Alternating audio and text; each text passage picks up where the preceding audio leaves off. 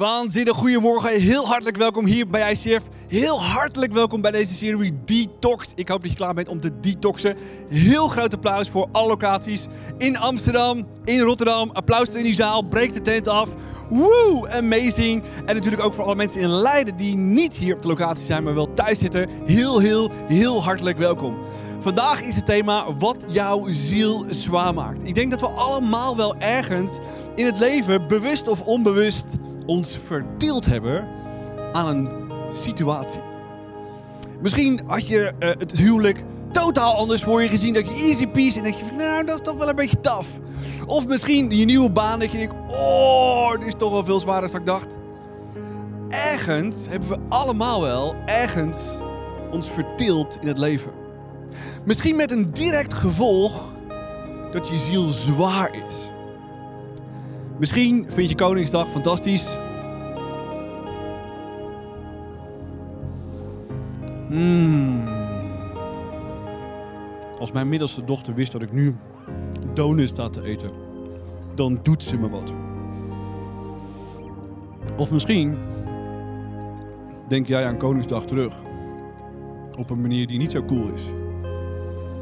Dat je misschien ergens in het verleden dingen gedaan hebt waar je misschien wel spijt van hebt. Wat zo zwaar nog steeds op je ziel drukt. Allemaal in dit leven hebben we ons mogelijk ergens aan verdeeld. En maakt het onze ziel zwaar. En niet altijd hoeft daar een hele specifieke reden voor te zijn. Misschien is er wel niks gebeurd. En toch voelt je ziel zwaar. Wat maakt jouw ziel zwaar? Laten we kijken naar de belangrijkste en eerste gedachte van vandaag. En de belangrijkste eerste gedachte is: we zijn geen lichaam met een ziel, maar we zijn een ziel met een lichaam. Ik leg het even uit. Mm. Hij zegt heerlijk. Ik denk dat we allemaal zo vaak bezig zijn met onze lichaam te detoxen. Met dit eten en dat eten. En oh ja, zelfs ik de afgelopen maanden ben aan het detoxen geweest in mijn lijf. Spinazie smoothies, andijvie smoothies en mijn lichaam vond het heerlijk. Maar we zijn zo vaak met het lichaam bezig dat we het belangrijkste vergeten. Dat is je ziel in je lichaam. Je lichaam, daar moet je goed voor zorgen. Laat dat duidelijk zijn. Maar je lichaam is niet anders dan een huis, oftewel een tijdelijk huis, waar je ziel in woont. Is zo belangrijk om te snappen en te begrijpen. Om dat te laten doordringen in het diepst van onze ziel. Dat het om onze ziel gaat. En dat is wat we de afgelopen weken gezien hebben. En dat is waar we vandaag ook naar gaan kijken. Is een ongelooflijk belangrijk verschil. En is zo belangrijk, want onze lichaam is eindig. Maar onze ziel leeft voor eeuwig, leren we in de Bijbel. En daar moeten we dus ontzettend goed voor zorgen. Dus als je regelmatig je lijf detoxt en je vergeet je ziel, kan het ervoor zorgen dat je zwaar wordt in je ziel, omdat we iets vergeten. Niet aan de buitenkant, maar juist aan de binnenkant. De binnenkant is zo belangrijk. En maar de vraag is, heel veel mensen willen dat ook graag doen, maar waar moet je dan beginnen? Nou, eerst nog even dit. Laten we eerlijk zijn, we leven in een tijd waarin we eigenlijk alles hebben. Waarin we het zo goed hebben, waarin we zoveel welvaart hebben, maar tegelijkertijd we toch vaak zo down zijn. Er drukt iets op onze ziel. En daar moeten we gevoelig voor worden. Waarom ben ik down? Waarom is mijn ziel down? Wat drukt er op mijn ziel? Dat zijn vaak vragen die we ons niet altijd stellen, maar die wel zo enorm belangrijk zijn om erachter te komen wat ons bezighoudt. Want als we weer kijken naar hoe we in elkaar steken, met in het diepste onze wil, onze gedachten en ons lichaam, en die bij elkaar is onze ziel. En onze ziel is het diepst van ons wezen. En als onze ziel bedrukt is, moeten we ons afvragen: is mijn wil echt vrij? Of ben ik misschien stuurloos en weet ik niet wat voor keuzes ik moet maken? Of zijn we gedachten zo bezig met het verleden, uitdagingen in het heden of enorme bergen waar je tegenop kijkt in de toekomst? Of misschien ben je vergeten om je lichaam goed te verzorgen, waardoor ook je ziel zwaar voelt. Nou, dit is niet alleen van deze tijd dat we ons zwaar kunnen voelen. Het is ook eigenlijk van alle tijden. Want de mens is er altijd. En ook deze uitdagingen van een zware ziel zal er altijd zijn. We lezen dat bij koning David.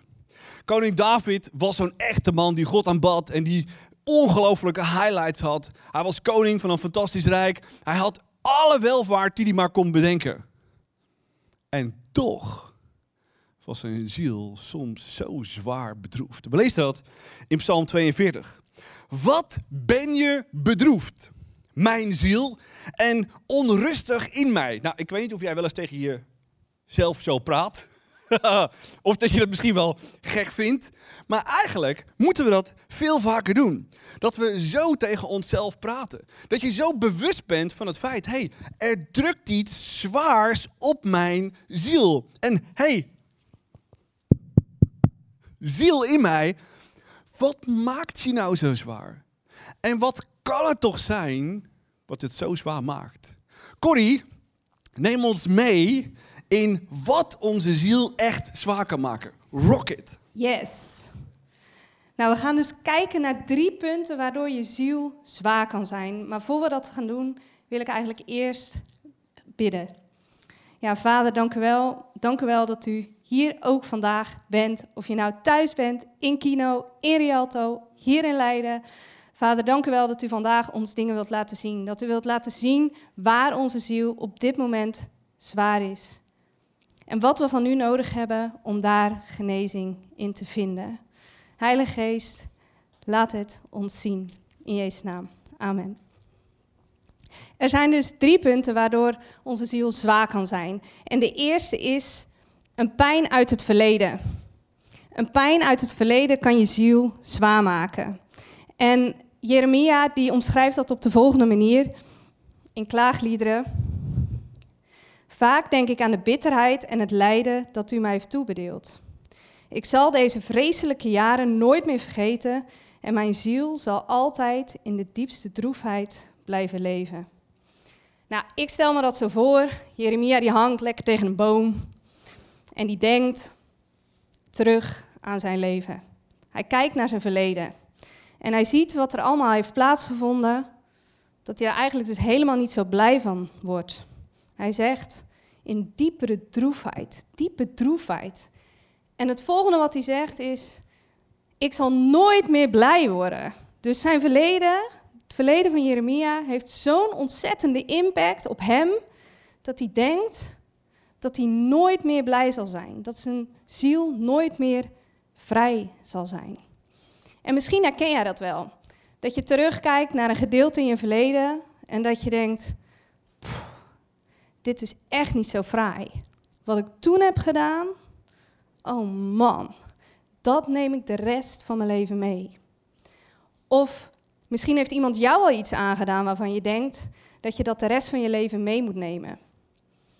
Of die kans, die ene kans, die misschien alles wel had kunnen veranderen, die je niet hebt gepakt en waar je nog steeds spijt van hebt. Wat is jouw pijn uit het verleden? Wat is jouw pijn? En weet je, het is helemaal niets om je voor te schamen als je een pijn hebt in je verleden. Maar wat ik wel tegen je wil zeggen, is dat het belangrijk is om die pijn weg te doen. Geef die pijn aan God. Jij hoeft niet verder met die pijn uit jouw verleden. God is daar. God wil die pijn van jou genezen. En het tweede punt, als we kijken naar waardoor je een zwaarte op je ziel kan hebben, zijn problemen in het heden. Nou, ik weet niet, ik denk dat we allemaal op dit moment wel problemen in het heden hebben. Want er zijn zoveel uitdagende situaties op dit moment. Want wie vindt bijvoorbeeld de coronasituatie uitdagend? Ja, ik wel. En, en jongens, praat lekker mee in de chat. Um, want we hebben hier allemaal mee te maken. En, en help elkaar er ook echt bij. En we hebben niet alleen corona, want jij had misschien wel dat uh, vijfjarenplan. En je bent bijna aan die vijf jaar, je zit er nog maar zo'n stukje van af. En je denkt, ja, kak, ik ben helemaal nog niet waar ik had gehoopt. Of je had dat plaatje geschetst. Grote auto, snelle, uh, snelle relatie die gewoon lekker loopt. Knappe man, knappe vrouw, paar kinderen erbij, lekker huisje, alles erop en eraan. En dat wilde je bij een jaar of 35. Maar ja, je bent 37 en je denkt, hmm. En je raakt teleurgesteld. Je geeft de moed op.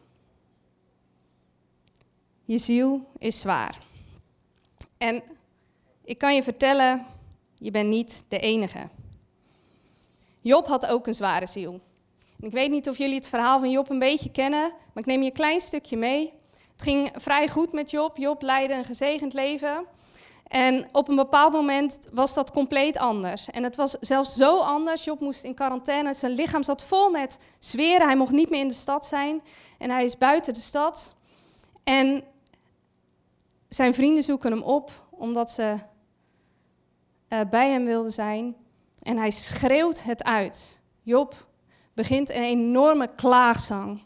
En hij schreeuwt het uit naar God. En hij schreeuwt het uit naar zijn vrienden.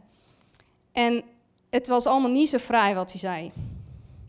En op dat moment zegt een van zijn vrienden: Hé hey Job, maar nu, nu de tegenslagen jou treffen, ben je verdrietig en geef je de moed op. En het belangrijke woordje in dit vers is het woordje nu. Job had nu problemen. Hij had nu problemen. En hij gaf de moed op. Hij werd verdrietig. Job had een zwaarte op zijn ziel. En misschien is dat voor jou wel ontzettend herkenbaar. En heb jij door problemen in het heden een zwaarte op je ziel. En de laatste oorzaak waardoor je een zwaarte kan hebben op je ziel, zijn zorgen over de toekomst. Ken je ze, die zorgen over de toekomst? Je kijkt naar je bankrekening, je staat misschien rood en je weet, die rekening die komt er nog aan. Hoe ga ik hem betalen? Hoe ga ik die rekening betalen? Of wat nou als? Die wat nou als vraag. Die hebben we allemaal toch wel eens. Want wat nou als ik nooit meer beter word? Of wat nou als ik mijn studie niet haal? Of wat nou als je nu op de bank zit en je afvraagt of je morgen nog wel een baan hebt? Wat nou als? Vul jij het maar in. Wat is jouw wat nou als van dit moment? Waar maak jij je zorgen om voor de toekomst? En we hebben allemaal iets anders. En zelfs Jezus had zorgen over de toekomst. Jezus wist, ik ga sterven. Jezus wist, mijn vader zal mij verlaten. Jezus was bang. Jezus had zorgen over de toekomst. En wat hij zegt, of wat hij deed, hij nam Petrus, Jacobus en Johannes met zich mee. Hij begon zich ondaan en zeer angstig te voelen. En hij zei tegen hen: Mijn ziel is zeer bedroefd, tot de dood toe. Blijf hier en, en waak, waak met mij. En zo mooi wat Jezus hier zegt. Jezus zegt hier: Mijn ziel is bedroefd. Mijn ziel. Hij zegt niet mijn wil. Hij heeft het niet over zijn gedachten. Hij heeft het ook niet over zijn lichaam. Jezus spreekt over zijn ziel. Jezus spreekt over zijn alles. Jezus heeft het over alles in hem wat bedroefd is. Dat hij angstig is. Dat hij niet wil dat er morgen komt. Dat is wat hij uitspreekt.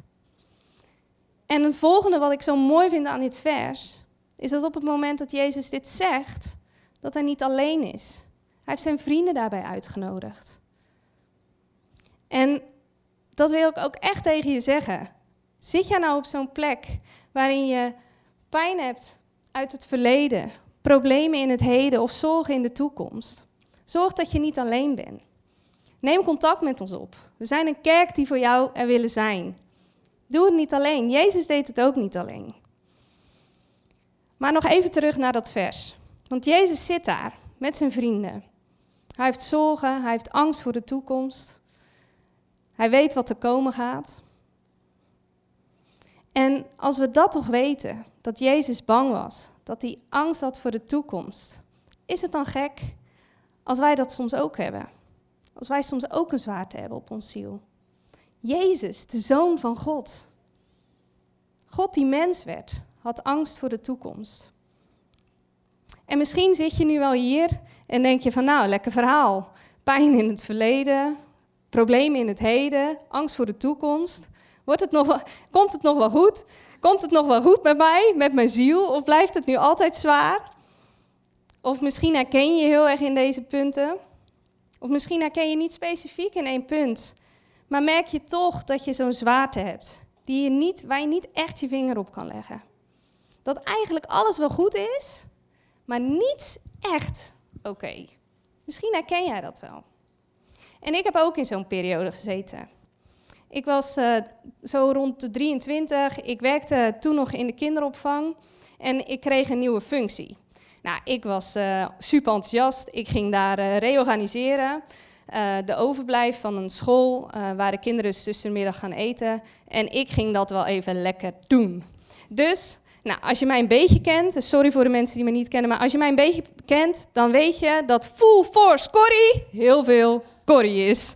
Um, en dat ging ik doen. Uh, en ik had even niet zo goed nagedacht over de mensen die dat daar al jaren deden, hun systeem al lang al hadden en dat het werkelijk om hun kinderen ging. Uh, en ik ging daar dus de boel even veranderen. Nou, je voelt hem al aankomen, dat was niet zo'n goed idee van mij. Want ik kreeg best wel wat weerstand. En eigenlijk best wel logisch. Nou, er speelden nog wat andere dingen op dat moment in mijn leven. En bam, ik ging onderuit. Burn-out, depressie.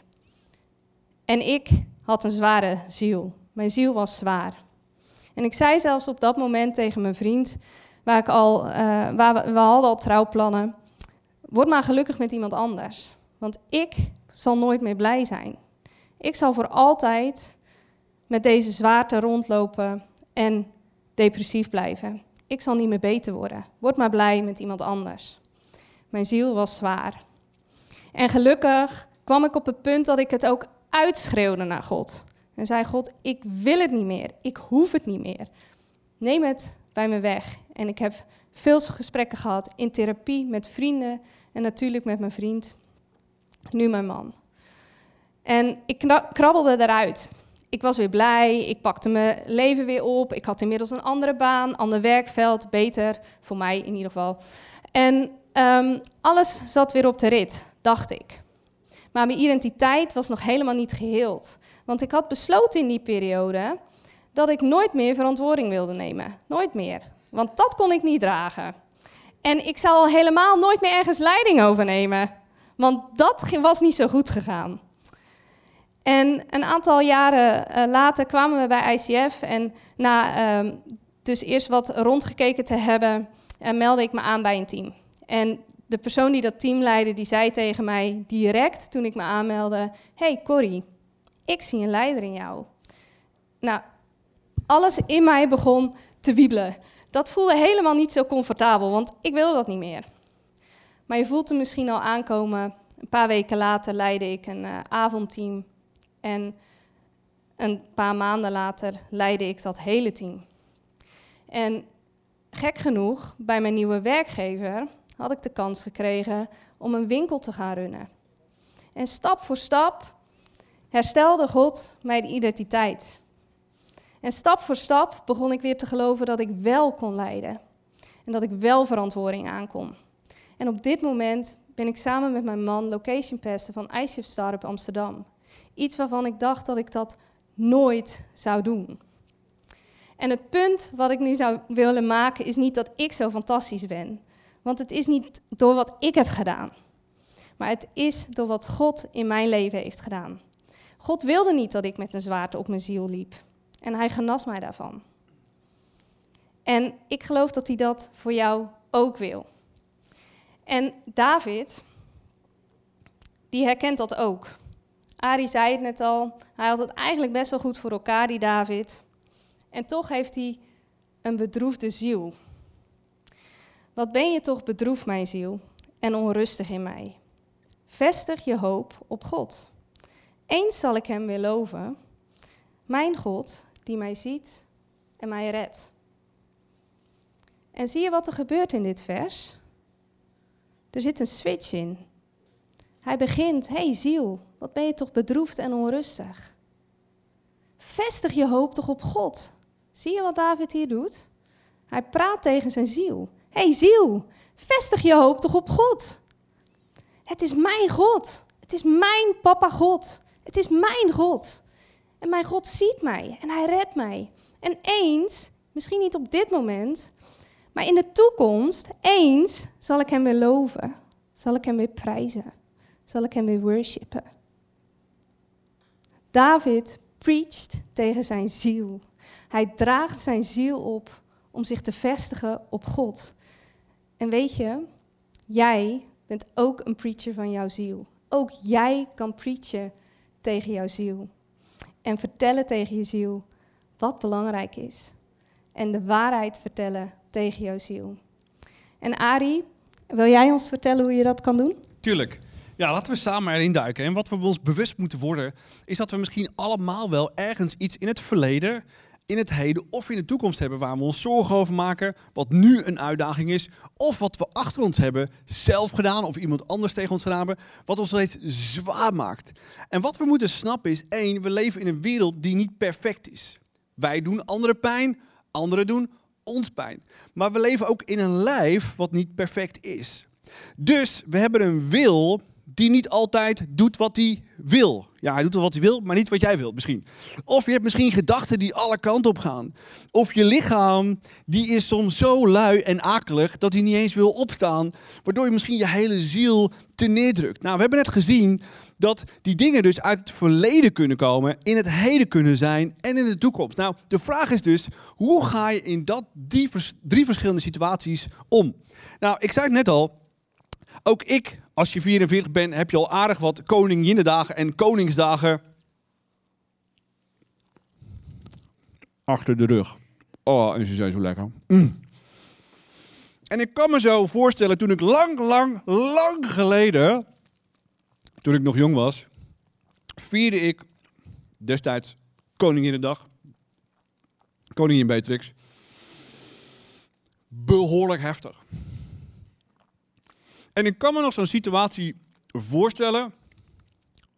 Best moeilijk in deze tijd. Dat we met, met z'n allen in de bar zaten. Hutje mutje. En dat ik zoveel gedronken had. Dat ik letterlijk omviel op de bar. Dingen uit het verleden. En soms is het die situatie of andere situaties die terugkomen in mijn gedachten wat mijn ziel zwaar maakt, waar je misschien spijt van hebt, met name achteraf. Wat heb jij meegemaakt in het verleden, waar je misschien spijt van hebt? Wat misschien elke keer terugkomt, waardoor we verleid worden om die gedachten weer terug te, te brengen.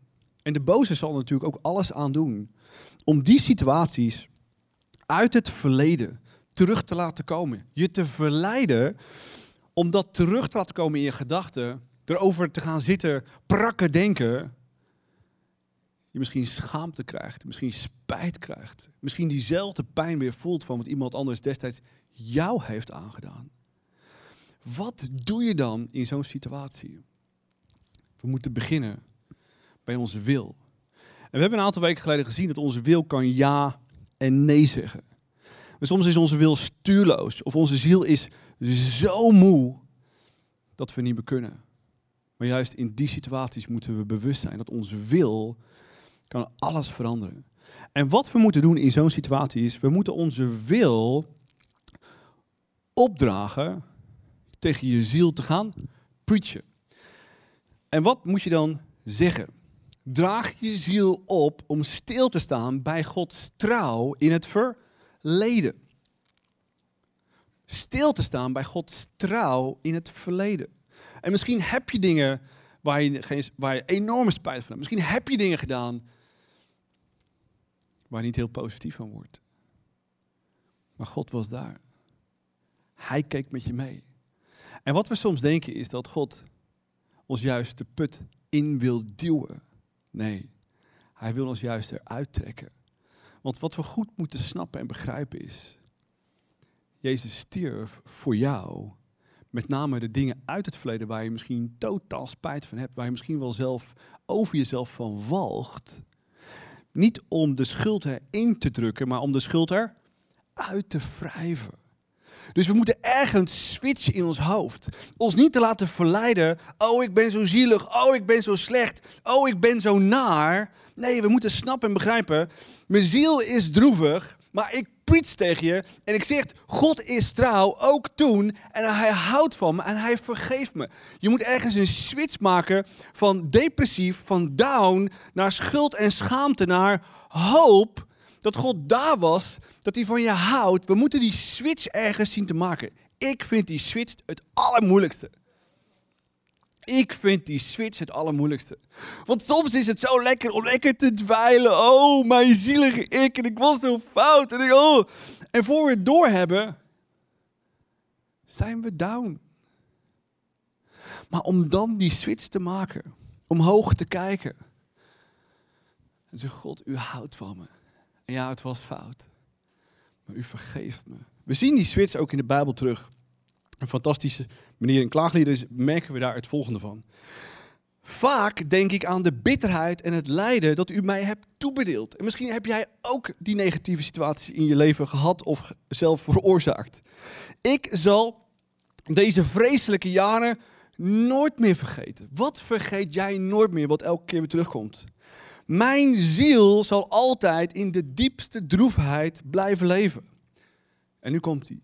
En toch, en toch blijf ik hopen. Want ik denk en ik besluit met mijn wil te gaan switchen.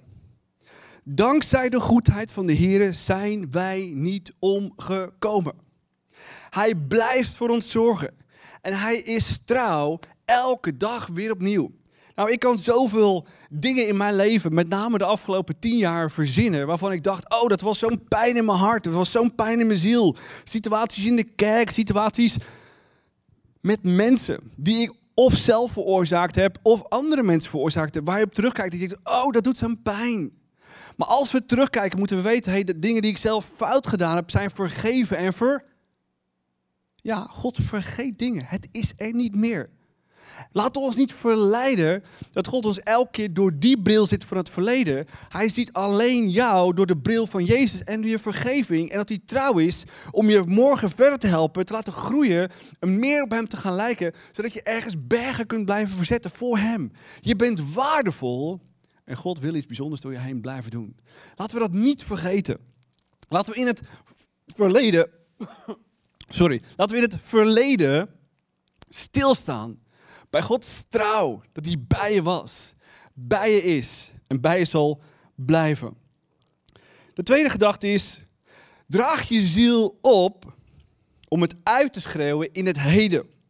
Nou, als je echt leeft, als je getrouwd bent of niet getrouwd bent, of vrijgezel hebt, of kinderen hebt of niet hebt, we hebben allemaal in het heden uitdagingen die ons zo te neer kunnen drukken, die ons zo groot zijn als bergen, dat het je ziel indrukt. Iemand wel eens meegemaakt? Wat drukt jouw ziel nu in? Situatie op je werk, situatie in relatie, situatie met je kinderen, situatie met familie. Wat drukt jouw ziel hier nu neer? Wat is het wat jouw ziel neerdrukt op dit moment? David maakte ook die situaties in het heden mee. Lees maar mee. Wat hij doet om het op te lossen. Hardop roep ik naar de Heer. Heere! En ik smeek hem naar mij te luisteren. Heere, ik roep u. U bent de beste plaats om te schuilen. U houdt mij in leven. Luister naar mijn smeekgebed. Ik ben zo verzwakt. Als je die zwaarte voelt hier nu in het heden. En je vraagt je soms af, waar moet ik heen? Soms begin als eerste een glas wijn, of als tweede een glaasje bier, of als derde ga je onder de dekens liggen. Wat doe je als eerste als het in het heden echt taf wordt? David ging naar één plek, de beste plek God zelf. Is dat ook jouw gewoonte om naar God toe te gaan? Sterker nog, om het bij Hem uit te schreeuwen. Of misschien zeg je, ja, maar dat is een beetje gek. Nee, weet je wat gek is? Om het niet uit te schreeuwen, in je te houden en je ziel zwaar te laten zijn. We hebben net naar Anneloes gehoord in de pre-show. Dat toen ze taf had, toen ze alleen maar kon huilen over de hier-nu situatie in het heden. Dat ze het letterlijk uitschreeuwde. We moeten onze ziel opdragen het uit te schreeuwen. Dat maakt het grote verschil. En misschien zeg je dat kan ik niet. Ja, dat kan je wel. Misschien voelt je hele ziel, je hele lichaam en je gedachten down. Maar jij kan bepalen in het diepste van je wil. Ik schreeuw het uit naar God. Ik weet niet anders waarheen te gaan. Dan alleen God. Mag je dan vloeken? Ik zou zeggen, je moet vloeken. Er wordt zelfs wel eens een keer gevloekt in deze kerk. Misschien zeg je, oh, heel onchristelijke kerk. Nee. Dit is een kerk die vecht voor Jezus. Dit is een kerk die vecht voor mensen. En soms zit het dan zo diep in je ziel van uitdagingen van mij als voorganger, van de leiders, dat het er soms uitvloept. Ja, toch? Ja, er zitten allemaal mensen ja te knikken hier zo. Oh, dat mag gewoon. Ja, dat mag gewoon. En waarom mag dat? We promoten niet hier om te vloeken, laat dat duidelijk zijn. We promoten om te leven, om te vechten voor iets groters. En als je dat doet, als je echt wilt leven, dan drukt het soms zo zwaar op je ziel. En dan moet je het uitschreeuwen naar God, die het als beste en als enige in het hele universum jouw gescheld en geklaag kan hebben. Niemand kan het beter hebben dan jouw fantastische God.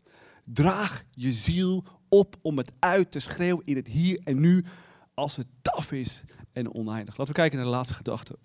Draag je ziel op om te vertrouwen op Gods kracht voor jouw toekomst.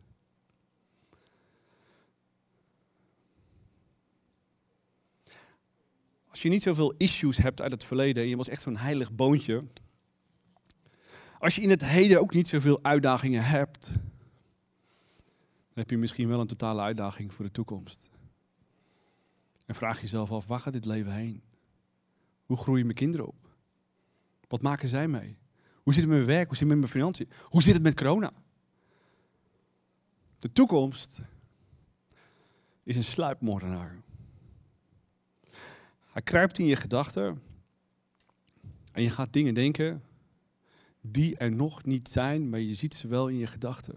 Het ergste is dat die grote zorgen over de toekomst vaak groter zijn dan ze in werkelijkheid ook echt zijn.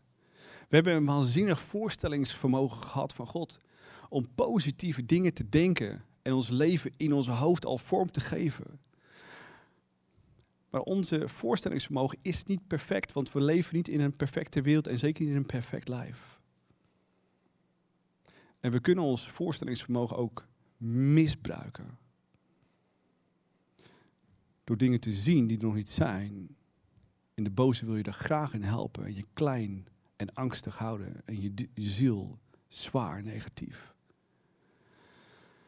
Wat we moeten weten over de toekomst is dat we God hebben.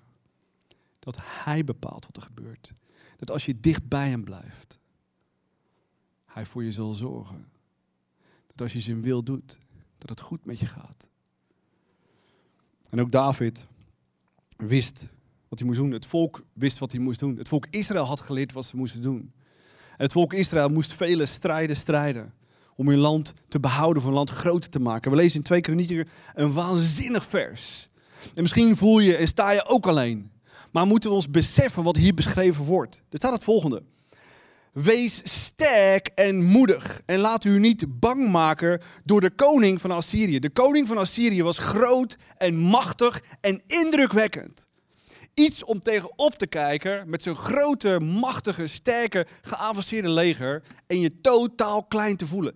Wat laat jou hier nu op dit moment klein voelen en je ziel diep bedroefd en klein?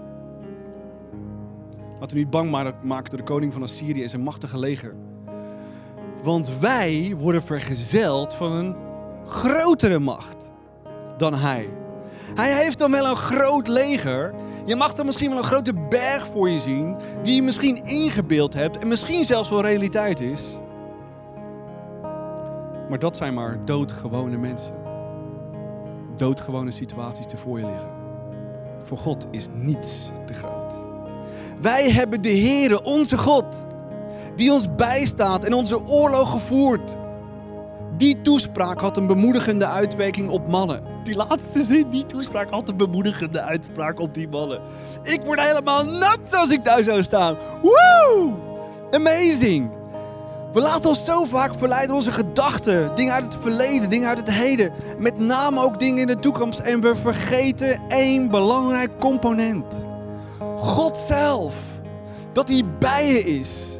Dat hij aan je zij is. Dat hij voor je is, dat hij achter je is, dat hij boven je is, dat hij onder je is. We vergeten het simpelweg.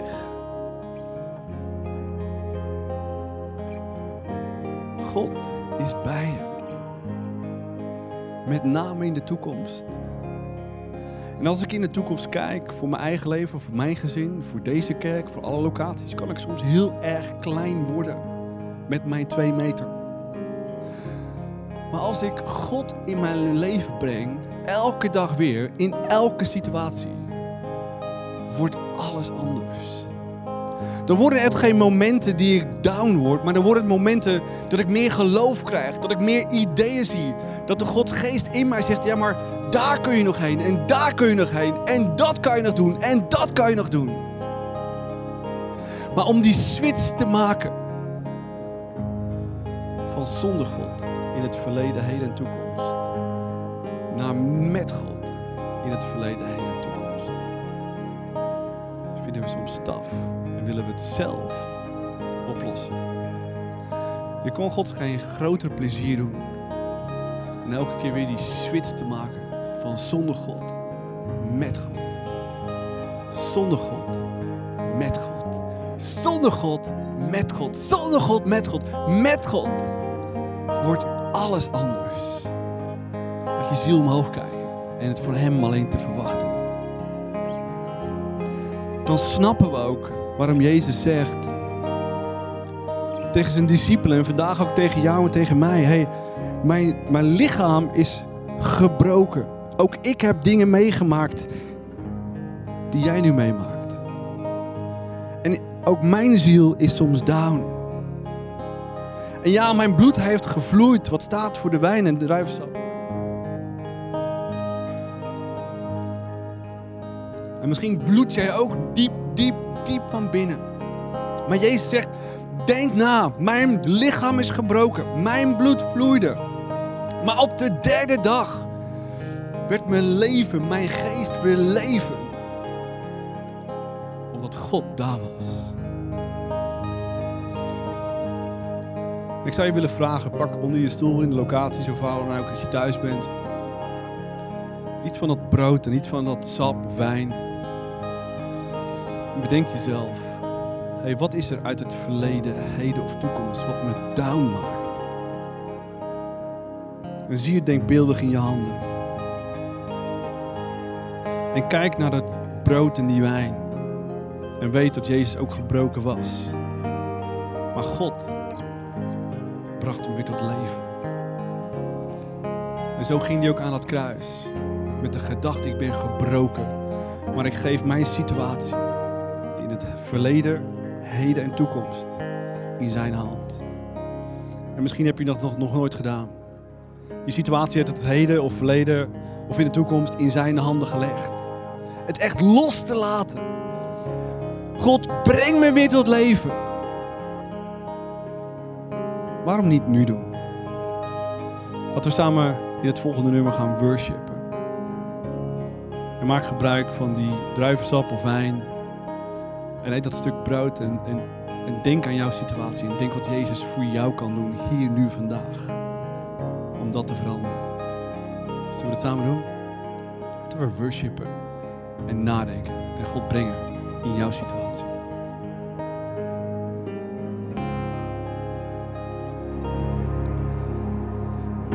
Wat zijn situaties in jouw leven van het verleden, heden of toekomst die ervoor zorgen dat je ziel echt down wordt? Maar ik heb niet zoveel issues met het verleden. Want ik weet dat het vergeven en vergeten is. Ook in het heden vind ik eigenlijk super cool om uitdagingen te hebben. Mijn uitdaging is altijd de toekomst. En wanneer ik te deel nadenk en te veel situaties kan verzinnen waarvan ik denk dat het fout kan gaan. En voor mij is het elk jaar met ICF, met Paas en Kerst, waarin er zoveel grote dingen gebeuren, dat mijn ziel onrustig wordt. ik weet dat we een waanzinnige team hebben en waanzinnige mensen. Maar ik lig altijd drie, vier, vijf nachten wakker en ik heb afgelopen jaar gezegd, God, ik wil niet meer dat mijn ziel onrustig is. Ik wil dat hij stil is. Dat hij vertrouwt voor de dingen in de toekomst. En ik ben op mijn knieën gegaan. En al die gedachten bij hem neergelegd. God, dit is voor u en dit is voor nu en dit is voor nu en dit is voor nu. En hier kan het fout gaan en daar kan het fout gaan. Maar ik vertrouw u. Wat moet jij hier nu bij God leggen? Uit het verleden, heden of de toekomst? En om die switch te maken. Want soms vind ik het zo lekker om me zorgen te maken over de toekomst. Maar mijn ziel maakt het onrustig en down. Om die switch te maken, om het los te laten, vind ik het allermoeilijkst. En misschien vind jij het allermoeilijkst om het verleden achter je te laten. Om de uitdaging in het heden uit te schreeuwen bij Hem. Of die beelden voor de toekomst ook bij God neer te leggen. Waarom niet nu? Waarom niet op dit moment? Zo'n stap maken onze lichaam en ziel echt vrijmaken. En vrij laten zijn. Jezus, dank u wel voor wie u bent. Dank u wel voor uw liefde, voor uw trouw, voor alles wat u bent. Dank u wel dat u ons voorgegaan bent. Door dingen uit het verleden, heden en de toekomst bij uw vader neer te leggen, op onze knieën te gaan. Omhoog te kijken en het alleen maar van God te verwachten. Die van ons houdt, die het best met ons voor heeft. Die altijd trouw is en altijd bij ons is en altijd bij ons zal blijven. Jezus, hier nu op dit moment leg ik mijn situatie uit het heden, verleden of toekomst bij u. Ik vind het spannend en eng om het los te laten. Maar ik vertrouw u met heel mijn hart, met heel mijn verstand en alles wat ik heb. Want ik wil vrij zijn, vrij blijven en gebruikt te kunnen worden door God Almachtig. Dank u wel. In Jezus' naam, amen. Misschien wil je samen met mij nu in de worship dat punt uit het verleden, heden of toekomst. Nogmaals heel nadrukkelijk bij Hem neerleggen. Het uitschreeuwen naar Hem. En vrij zijn. In je diepst van je ziel. Zullen we samen worshipen? Laten we gaan staan als je dat nog niet deed.